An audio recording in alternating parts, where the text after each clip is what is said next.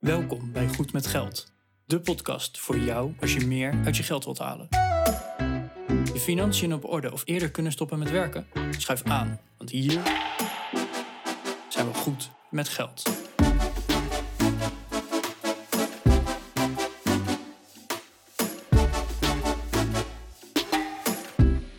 Aflevering 207 van de Goed met Geld podcast.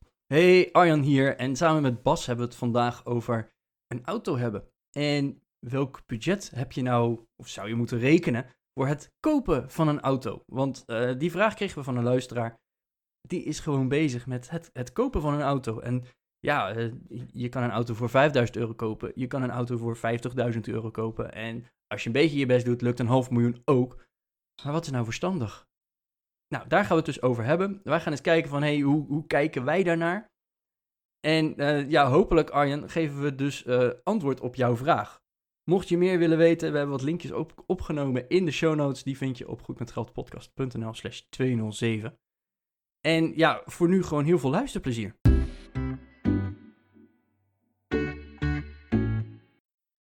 Goedemorgen Arjan.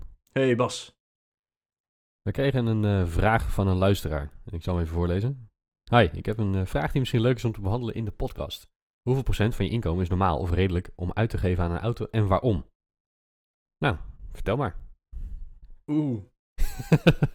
nou, thanks. Ehm, mijn spreekwoord gaat over de auto. Ehm, nee, ja, ik, eh, ik vind het dan een lastige vraag sowieso om te beantwoorden. Want, Hmm. eh, ja, zoals de meeste luisteraars misschien wel weten, we hebben het er al eens over gehad. Ik heb een leaseauto. Ja, En ik heb een, een zakelijke leaseauto, geen private leaseauto. Dus ja, hoeveel procent van je inkomen? Ja, bij mij is dat dus inderdaad een, een dus stuk onderdeel van je bijtelling. inkomen. Ja. I- i- hè, dus eh, dat, dat is al een, een moeilijk vergelijk. Ik denk op dit moment dat ik er een, eh, een procentje of 10 aan kwijt ben, zoiets. Ja, Nee, dat zijn de, zelfs. Dat, dat zijn de kosten die je hebt aan die auto. Dat, zeg maar, ja, om- dat zijn voor mij de kosten. Hè, dat, Ja, ja, eh. Aan, aan bijtelling en dat soort dingen. Ja. Nog geen 10%, dus dat is relatief weinig. Eh, Ja. Ook het voordeel omdat de, de bijtelling gewoon heel gunstig is. Ehm, ja, en ik heb dus al heel lang een leaseauto. Eh en de allereerste auto die ik kocht op mijn 18e samen met mijn moeder, dat was een eh, Suzuki Alto. Maar ik weet niet of dat meteen te vergelijken is, want ik studeerde nog, want ik was 18. Hmm. Ja, dat, dat, daar kan ik geen vergelijk uit trekken. Ik wilde gewoon een auto, want we hadden geen auto verder thuis. Ik wilde een auto zodat ik mijn rijbewijs een beetje kon onderhouden. Eh, en, en dus heb ik samen met mijn moeder toen een auto gekocht. Nou ja. ja. Nou, ik heb wel een auto gekocht, eh, dan in mijn bedrijf, maar eh, dat is geen, die is niet geleased, die is gewoon, gewoon gekocht. T- tweedehandsje. Dus de, kop, de kop ervan af, zeg maar. Niet een hele oude tweedehands, maar een, een wel een wat recentere. Ook elektrisch. nou, vind ik gewoon belangrijk, hè, milieutechnisch.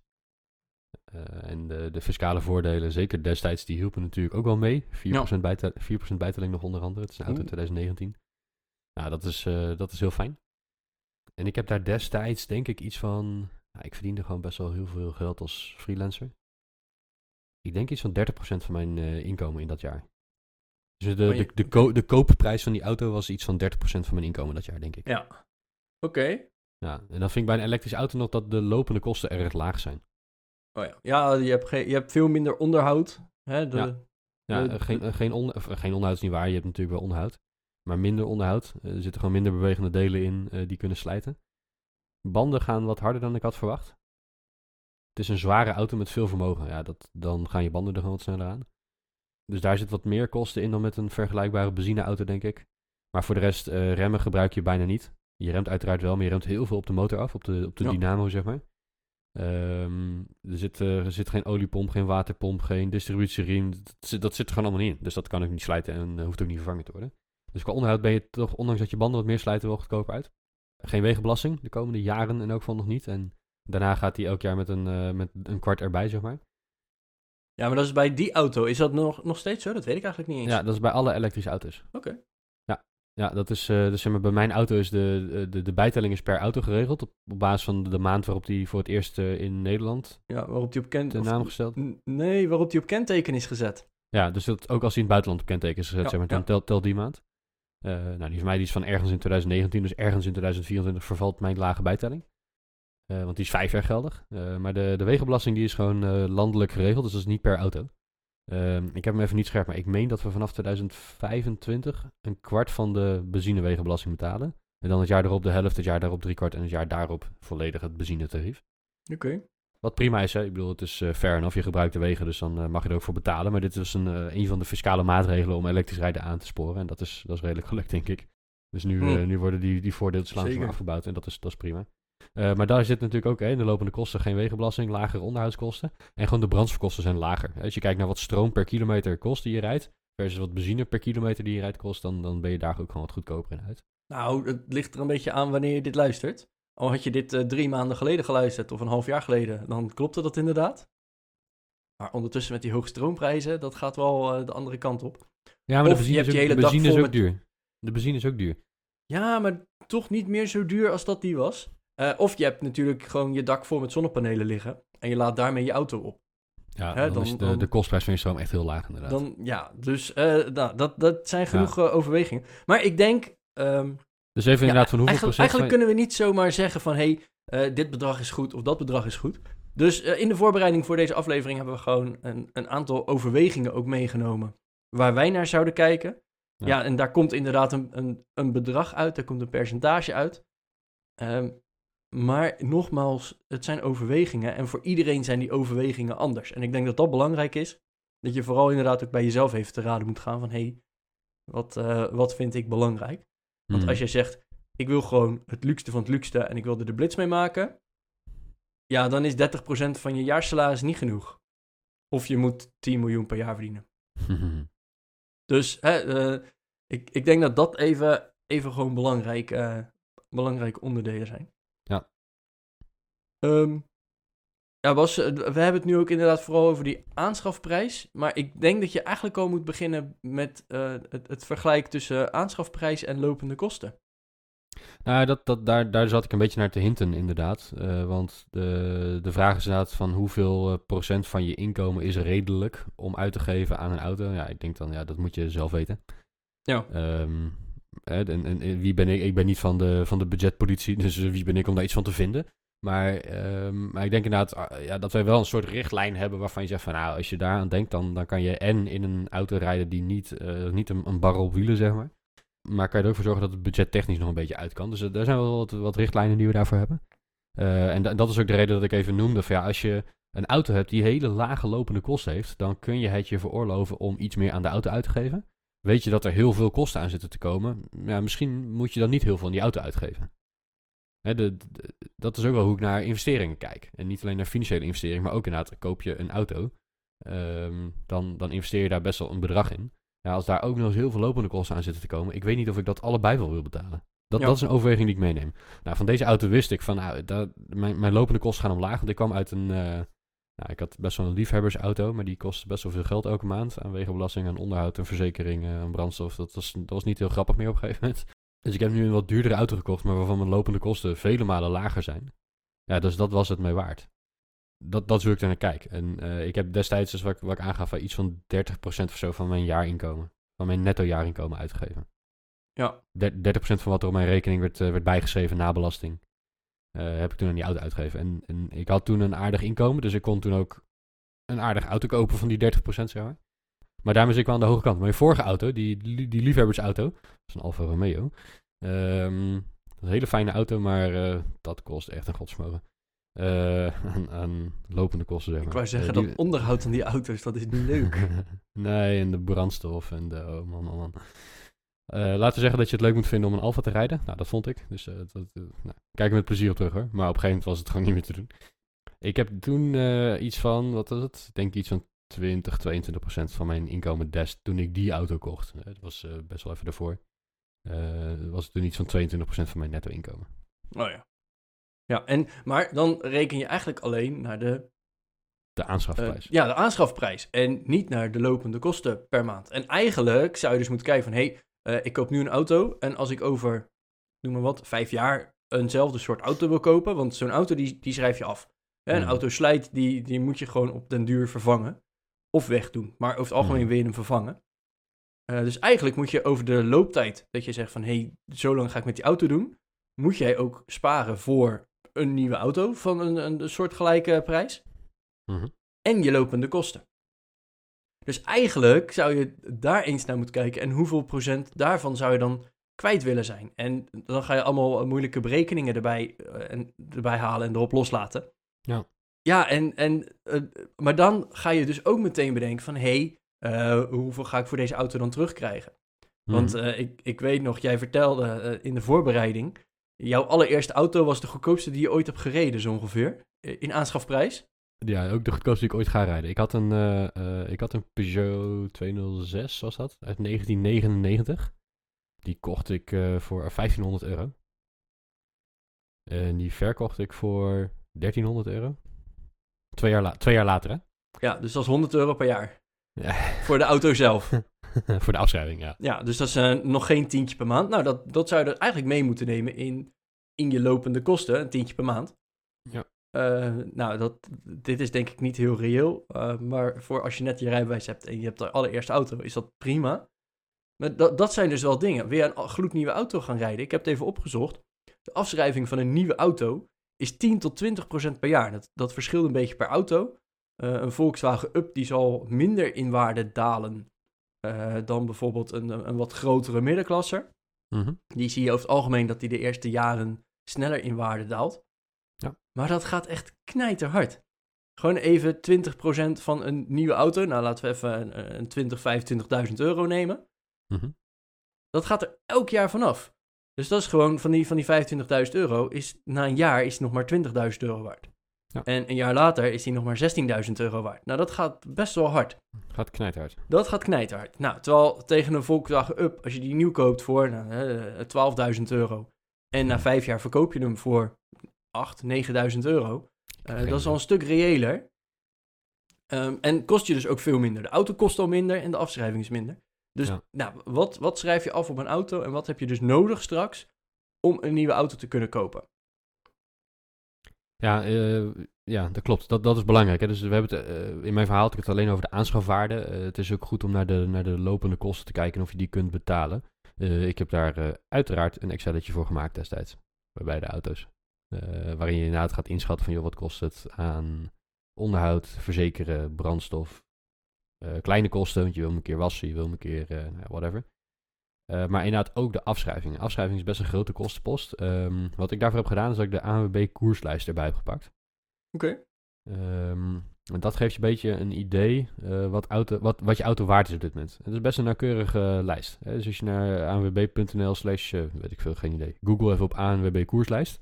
Ja. Dan vul je het kenteken van je auto in en de kilometerstand. En dan eh, moet je waarschijnlijk nog even aangeven welke opties je hebt. En dan zegt hij, nou dan is dit je auto met deze nieuwwaarde. En dan zegt hij, die is nu dit waard. In allerlei verschillende situaties. Als je hem koopt bij een merkdealer. Als je hem inruilt bij een autobedrijf, wat krijg je er dan voor? Als je hem gaat eh, aan of verkopen tussen twee particulieren, wat, eh, wat is dan de gangbare prijs? Wat is de meeneemprijs, wat is de dagwaarde enzovoorts. Dus dat, dat geeft heel goed inzicht in wat een auto van een bepaalde leeftijd en kilometerstand waard is. Nou, en als je denkt van ik ga vijf jaar met een auto rijden. Ik rij 20.000 kilometer per jaar. Dus ik zoek een... eh, dat- moet je soms een beetje mazzel mee hebben dat die auto ook bestaat hè, op die leeftijd al. Maar zeg van nou ik pak nu die auto die ik ga kopen van, van drie jaar oud, ik noem even wat. Daar, daar zoek ik de prijs van op. En vervolgens ga ik diezelfde auto proberen in te vullen bij de koerslijst. Maar dan doen alsof die acht jaar oud is en met 100.000 kilometer extra. Kijken wat ANWB dan vindt dat die waard is. Dat geeft je een beetje een beeld bij hoeveel je gaat afschrijven in die komende vijf jaar. Ja. Ehm, en kijk naar wat andere vergelijkbare auto's doen. Kijk naar, eh ANWB heeft ook een autokostencalculator. Hè, dat is een beetje dat Excelletje wat ik heb eh, gemaakt. Die kun je bij ANWB invullen. En dan geeft ik precies aan van, joh, dit zijn je kosten aan, eh, aan onderhoud, aan verzekeren, aan banden, aan brandstof, aan afschrijving enzovoort. Nou, als je naar verschillende bronnen op die manier gaat kijken, krijg je best wel een goed gevoel bij wat zo'n auto gaat kosten. Helemaal voorspellen kan natuurlijk niet. We kunnen de toekomst niet voorspellen, helaas soms. Ehm, maar je kunt wel een indicatie geven. Kijk, op dit moment schrijf je op auto's heel weinig af. Waarom? Ja, er is gewoon een tekort aan tweedehands auto's. Dus die zijn, eh, die zijn gewoon hartstikke duur. En dat maakt dat, eh, nou, dat de restwaarde vrij hoog is. Maar ja, dat kan ook straks weer helemaal de andere kant op gaan. Dus je kunt nooit helemaal de toekomst eh, voorspellen. Je kunt wel een indicatie voor jezelf maken. Als je maar weet dat je ooit weer een keer een andere auto wil gaan kopen. En dat je dan niet meer het aankoopbedrag voor je huidige auto terugkrijgt. Dat is even belangrijk om je achterhoofd te houden. Nou, als je dat doet, dan gaat het toch goed, denk ik. Ik kwam dus eh, een, eenzelfde tabelletje tegen in mijn eh, research van het Nibud. En ik Mhm. vind Nibud, hè, die, die eh, geven ook allemaal budgetten weer. En hè, de- hè, wat, wat, jou, wat zou jouw potje moeten zijn? Hè? Je, je reservepotje. Ja. Nou, dan moet je dus ook altijd aangeven van, hey, rij een auto en wat voor auto rij je? Maar het Nibud heeft dus ook gewoon een hele tabel gemaakt van, hey, wat zijn de vaste kosten van een mini-klasse, van een compacte klasse, een kleine middenklasse of een Ah, middenklasse auto? Ja. Ehm, hè, en dan kijken ze dus inderdaad naar afschrijving, verzekeringen, eh, wat voor motorrijtuigenbelasting, wat voor brandstof, eh, al dat soort dingen rekenen ze allemaal mee. Mhm. Ehm, en dus ook, hè, hoeveel, hoeveel kost het nou om een kilometer te rijden? Ja, dat Ah, vind ik ook best wel interessant. Want hè, als jij een auto gaat kopen, dan moet je ook even bedenken, hey, hoeveel ga ik ermee rijden?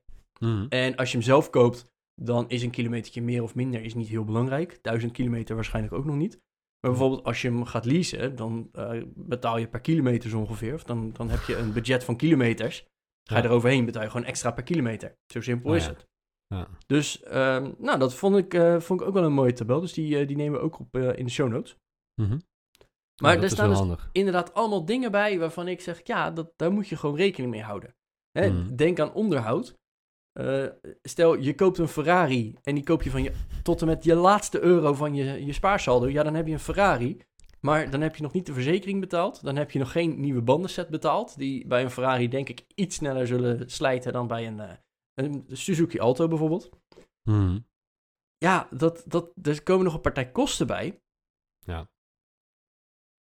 Ja, dat gaat heel hard dan. Hè? Ja, dus ehm, eh, nou, je, je had, je had een hele mooie tip daarvoor, Arjan. Om Ja, meteen, nou, eh, ik, knal eh, hem er meteen maar in. ik, ik hou Wat zou jij doen in het geval van een Ferrari? Ik hou mijn vriendin er meteen weer bij, want die zegt altijd: eh, Ja, je eh, koop er één als je er twee kan betalen. Oké. Want Ja. eh, natuurlijk, je kan tot en met je laatste euro een auto kopen, maar als er dan maar ook iets aan gebeurt, ja, dan kan je het niet betalen. Stel, Ja. eh, je, je hebt net je nieuwe auto gekocht en je hebt een ongeluk en hij is totaal los. Mhm. Ja, dan, eh, dan wil je niet meteen eh, in een, of dan wil je graag een andere auto en dan kan je eigenlijk niet in een barrel terug gaan komen. Of ja, het kan wel, Oh ja. maar dat, dat, Ja. hè, eh, dat, psychologisch is dat heel moeilijk. Dat is een hele grote drempel die je over moet. Mhm, mhm. Plus alle kosten die eromheen komen, hè, verzekering, onderhoud, dat soort gekkigheid. Ja. Dus ja, hou er gewoon rekening mee dat een auto gewoon heel veel geld kost. Eh, ik, ik hoorde ook altijd, een auto is de slechtste investering die je kan doen. Nou, we hebben het net al over die afschrijving Mhm. gehad van nieuwe auto's. Dat gaat gigantisch hard. Je gaat er nooit geld op verdienen. Dus eh, het kost altijd geld. Het, het verschil is alleen hoeveel geld kost het je. Mhm. Nou, de, dan, dan komen we denk ik ook meteen bij de overwegingen van wat, wat neem je nou mee bij de aanschaf van een nieuwe auto? En natuurlijk, je kijkt naar je inkomsten en dus je budget. Nou, we hebben net al gezegd van hey, o- eh, eh, 30%, hè, 20 tot 30% van je netto jaarinkomen. Ehm, daar, daar zouden wij naar kijken. Maar dat verschilt natuurlijk ook gigantisch van hey, hoeveel verdien je? Als je, eh, Mhm. eh, als je op eh, minimumloon zit en je hebt al moeite om rond te komen, ja, misschien is een auto dan überhaupt geen goed idee. Mhm. Hè, want het, zijn al, het is best een grote kostenpost. Terwijl als je een, een miljoentje of tien per jaar verdient, netto, dan is het misschien wat gek om daar 20 tot 30 procent van te besteden aan een auto. Volgens mij kan je een hele vloot kopen. Ondanks dat het dan prima zou kunnen. Ja, maar dan, dan kan je net zo goed een heel Formule 1 team kopen of zo, weet je, dat. Ehm, dus hè, dat, dat zijn allemaal van die overwegingen daarin. Maar ik denk gemiddeld genomen een beetje ja, eh, 20 tot 30 procent. eh, Mhm. dat, je, dat dat best wel snel gaat al. Eh, En persoonlijk, ik vind dat nog steeds best wel veel. Eh 20 tot 30 procent. Maar Eh, eh, om, om ja. terug te komen op het, op het lijstje. ehm, eh, 20 tot 30 procent van je netto jaarinkomen voor een nieuwe auto. Maar dat zijn dus niet je, je maandelijkse kosten. Die zullen wat lager liggen. Want ik Hmm. hoop niet dat je na een jaar je hele auto eh, afschrijft aan gorderheid en eh, dat soort dingen. Het zou balen zijn. Ehm, dus dat smeer je dan ook weer uit over een wat langere periode. Maar de, ik, ja, dat is een, eh, een aardige ja, indicatie, laten we, het, eh, laten we het zo noemen. Maar goed, Hmm. ehm, de, de overwegingen die, eh, die je in ieder geval mee kan nemen bij, de, bij een aanschaf van een auto is natuurlijk veiligheid. Nou ja. Eh, hè, de, de, de veiligheid van de auto is misschien wel heel belangrijk. Dus eh, ga je inderdaad voor de oldschool Mini Cooper. Hè? Heel schattig, maar totaal niet veilig. Eh, volgens mij zitten er niet eens gordels in. Of ga je voor een auto met op zijn minst gordels. Hè? Of een neksteun, dat soort gekkigheid. Ja. Ehm, de grootte van de auto vind ik altijd een interessante. Heel veel mensen, tenminste in mijn omgeving hoor ik heel veel mensen... Ja, want eh, ik heb die auto nodig, want anders past het niet met vakantie. Mhm. Maar dat komt er dus eigenlijk op neer dat je zo'n 350 dagen van het jaar met een te grote auto rijdt. Ik vergelijk met die mensen altijd van, eh, oké, maar dan moet je eigenlijk een vrachtwagen kopen. Want één keer in de tien jaar ga je verhuizen. Dat is, dan is een vrachtwagen wel handig. Nou, en ja, eh, kom op, hè, dat, dat is toch nergens nodig? als, je, als je nog een auto koopt zelf, dan snap ik dat je er wel rekening mee houdt. Want natuurlijk, met z'n vieren pas je ook in een Fiat 500. Eh, maar als je dan een weekend weggaat, is het al heel lastig. Dus dan snap ik als je met z'n vieren bent, dat je een iets grotere auto als gezinsauto neemt. Mhm. Eh, hoewel het prima zal werken, hè? eh, hou het goede. Maar ik, ik, ik snap dat je er rekening mee houdt. Maar je hoeft niet meteen aan een busje te nemen. Hè? Dat, weet je.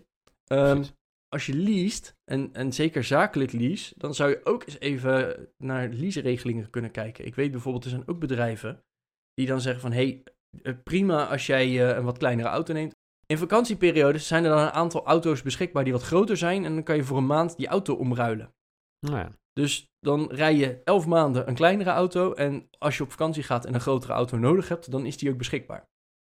Zeker bij, bij zakelijk lease, ja, dan maakt het eigenlijk niet zoveel uit. Ja, het is iets duurder die ene maand, maar de rest van het jaar Mhm. heb je wel een, een kleinere en dus zuinigere auto. Nou, dan ga je ook nog eens kijken naar luxe. En dat, dat hoort ook een beetje bij de grootte van de auto. Maar hè, als je naar een andere auto gaat kijken, hoe luxe moet die zijn?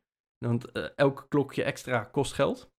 Zo simpel is het ook. Dus eh, Ja. alle, alle extra functies en chipjes die erin moeten, kosten, kosten extra geld. Ja.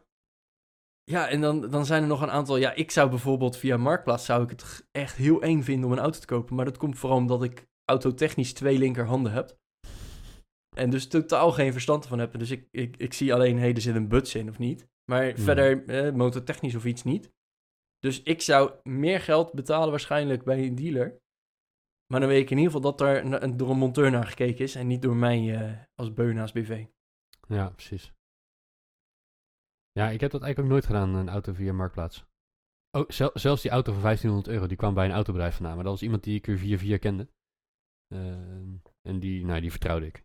Die had er even naar gekeken. En dat is zo'n zo'n mannetje met een garage in het dorp, zeg maar. Ja. En ehm, een dorp verderop. En die had, eh, eh, nou, die zei, oh, dat is wel prima. En ik had hem al een tijdje, een paar maanden van tevoren gevraagd, om als je nog een keer een eh, goedkoop klein bakje tegenkomen, laat me weten. En op een gegeven moment belde die van, joh, ik kan aan een, ik kan aan een 206 kopen. Oké, wat moet die kosten? Ja, zoveel. Is het een goede auto? Ja, ja, ja, goed genoeg. Oké, Ja, prima. prima. Ja. Wel, overigens wel wat gedoe mee gehad, hoor, want het was gewoon een oude auto. Ja, dat, dat- daar heb je gewoon af en toe eh, ellende mee. Da- daar heb je onderhoud aan. Ja, dus dat moet je, eh, dat, dat moet je wel even snappen natuurlijk.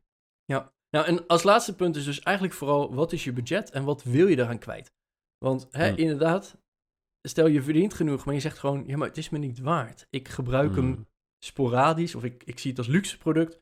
Ja, dan hoef je ook niet de, de mooiste, luxe, duurste, grootste auto te hebben van allemaal. Dan gebruik je het inderdaad vooral als vervoermiddel. Het moet veilig zijn. Eh, het moet je van A naar B brengen. En dat kan ook een stuk goedkoper dan in een, eh, weet ik veel, eh, Jaguar, Porsche of wat voor luxe auto dan ook. Ja. Hè, dat zijn ook dingen die je gewoon mee mag nemen in, in zo'n beslissing. Ja, en Mhm. voor dus een, een nieuwe auto, ik vind op zich het bedrag van eh, eh, 20 tot 30 procent van jouw netto jaarsalaris, nou, vind ik wel een, een goede richtlijn. Maar als je Ja. zegt, ja, dat vind ik gewoon te veel. Ik rijd er niet veel mee. Ik ga voor een, een goedkoper merk, die ook gewoon prima is, die bijvoorbeeld in onderhoud wat goedkoper is, zodat ik er Mhm. ook langer mee kan doen. Ja, ook prima. Maar dan heb je in ieder geval er wel heel bewust over nagedacht wat jij dus kwijt wil zijn aan die auto. Alright, alright. Beetje afrondend om eh, terug te komen op de oorspronkelijke vraag die we van onze luisteraar kregen. Ehm, hoeveel procent van je inkomen is normaal of redelijk om uit te geven aan een auto? Ehm, nou ja, er is denk ik niet een standaard percentage wat we kunnen noemen. Eh, ik denk wel dat budgettechnisch de aankoop van een auto, eh, als je dat doet voor 20 tot 30 procent van je nou ja, netto jaarinkomen, hè, wat er op je rekening na de belasting wordt bijgeschreven. eh, dat lijkt mij een heel realistisch percentage. En dan, dan, kan je, dan kan je vaak een auto rijden die, die goed genoeg is, maar wordt het niet budgettechnisch te zwaar. Maar, maar daarnaast moet je echt wel gaan kijken naar wat de lopende kosten van die auto zijn. Hè? Dus wat, wat je maandelijkse kosten zijn. En of je het het waard vindt om dat ervoor te betalen. En zeker ook als je meerdere modellen auto's gaat vergelijken. eh, zijn die lopende kosten, denk ik, eh, die, die zou ik echt wel even naast elkaar gaan zetten. Om, eh, om te kijken van ja, wat gaat het mij dan op de lange termijn? Want je gaat een auto niet voor een, voor een paar maanden kopen meestal. wat gaat mij dat dan kosten? Ja, en bij die lopende kosten, daar, daar moet je gewoon ook een onderdeel budget inbouwen om, eh, om te sparen voor je volgende auto. En dat klinkt heel Ja, de, vervelend. afschrijving is, de afschrijving is absoluut een kostenpost die je mee moet nemen, ja. Ja, maar, en, en- maar die Echt moet je dus wel meteen al meenemen en dus op een rekening apart zetten eigenlijk.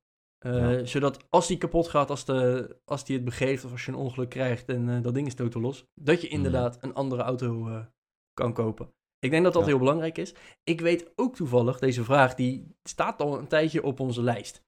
Dus ehm. Ik, ik vind het nog steeds een hele toffe vraag. Dus daarom hebben we hem ook nog steeds gewoon beantwoord. Maar, eh, beste vraaginstuurder, als je, als je dit hoort, dan weet je dat het over jou gaat. Ik ben ondertussen ook wel benieuwd. Heb je nou een auto gekocht? En eh, hoeveel van jouw inkomen is dat geweest? Dus Ja. hè, heb je de vraag zelf ondertussen al beantwoord? Ben ik erg benieuwd naar. En ja, voor alle andere luisteraars, heb je nou zo'n dergelijke vraag van... Hey, hoe zit dat nou? Of eh, kunnen jullie je mening daar nou eens over geven? Stuur die ook vooral in. Natuurlijk, het, het kan even duren voordat die eh, beantwoord wordt. Ik geloof dat deze al een half jaar op onze lijst staat. Mhm. Maar ja, wij zoeken ook gewoon nog steeds onderwerpen. Dus eh, schroom niet, neem contact met ons op goedmetgeldpodcast.nl slash contact. Want hè, wij vinden het alleen maar leuk om zul- zulke dingen uit te zoeken en, en voor jullie op te nemen. En tot de volgende keer. Tot de volgende keer.